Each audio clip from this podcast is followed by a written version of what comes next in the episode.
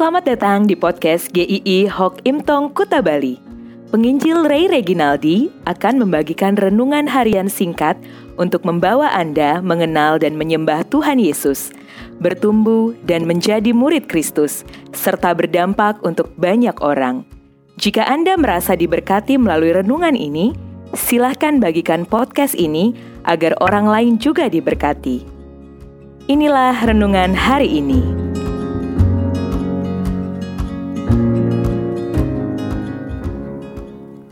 Ulurkan tanganmu. Yakobus 1 ayat 27a. Ibadah yang murni dan tak bercacat di hadapan Allah Bapa kita ialah mengunjungi yatim piatu dan janda-janda dalam kesusahan mereka. Kemarin kita bahas buku dari Mark Leberton tentang bahaya ibadah sejati. Poin selanjutnya dari buku ini, salah satu bahaya lainnya adalah kita orang percaya harus memperhatikan bahaya sejati, yaitu ketika ibadah yang tidak mengubah dunia, yaitu kehidupan orang percaya yang tidak berdampak sama sekali di dalam dunia ini, kehidupan kekristenan yang tidak peduli dengan kesulitan orang lain. Penulis lain ada yang mengatakan salah satu kesalahan gereja atau orang percaya menjadikan gereja itu sebagai benteng yang begitu kokoh kuat yang tidak bisa dimasuki oleh orang luar selain anggotanya dan tidak mempedulikan apa yang ada di luarnya. Tuhan menghendaki ibadah sejati adalah kehidupan yang berdampak dan mengubahkan. Salah satu yang Tuhan mau adalah mengunjungi mereka, kata yang tidak berpengharapan, yang tidak punya perlindungan, yaitu yatim piatu dan janda-janda yang kesusahan Mengapa dikatakan tentang janda dan yatim piatu? Pada saat itu mereka adalah orang-orang hidup tanpa pertahanan, tanpa perlindungan, tidak punya pegangan atau topangan. Status mereka seperti dianggap tidak ada.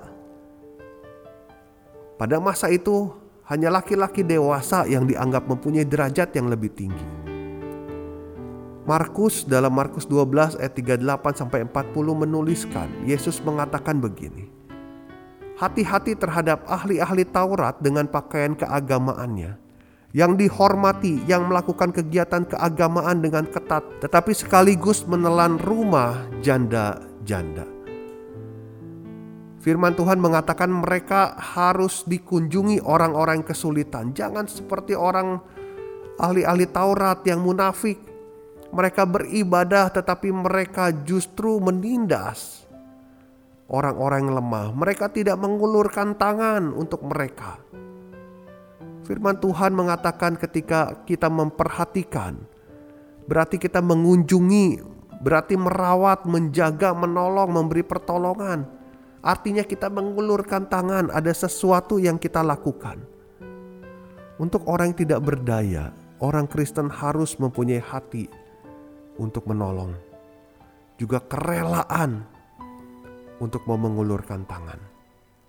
Tuhan Yesus sudah menolong kita dari ketidakberdayaan yang paling mutlak, yang paling hakiki, yaitu saat kita ada di dalam dosa. Kita diselamatkan oleh Tuhan. Tuhan menghulurkan tangan, mengangkat kita.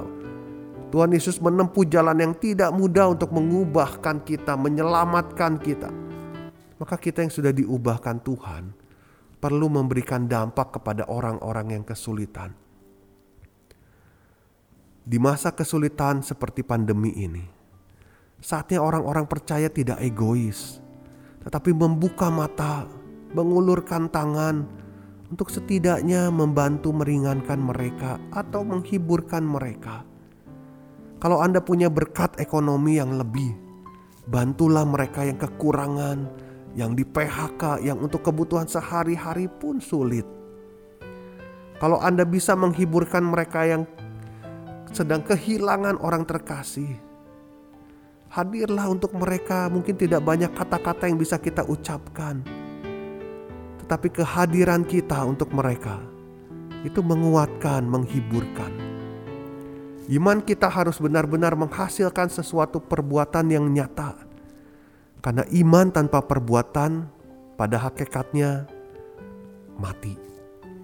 Biarlah kita menjadi pelaku firman, yaitu dengan mengulurkan tangan kita. Tuhan mau orang percaya di saat sulit seperti ini tidak berdiam diri, tetapi bergerak juga untuk boleh mengubahkan dalam pertolongan Tuhan. Sampai jumpa episode selanjutnya. Tuhan memberkati.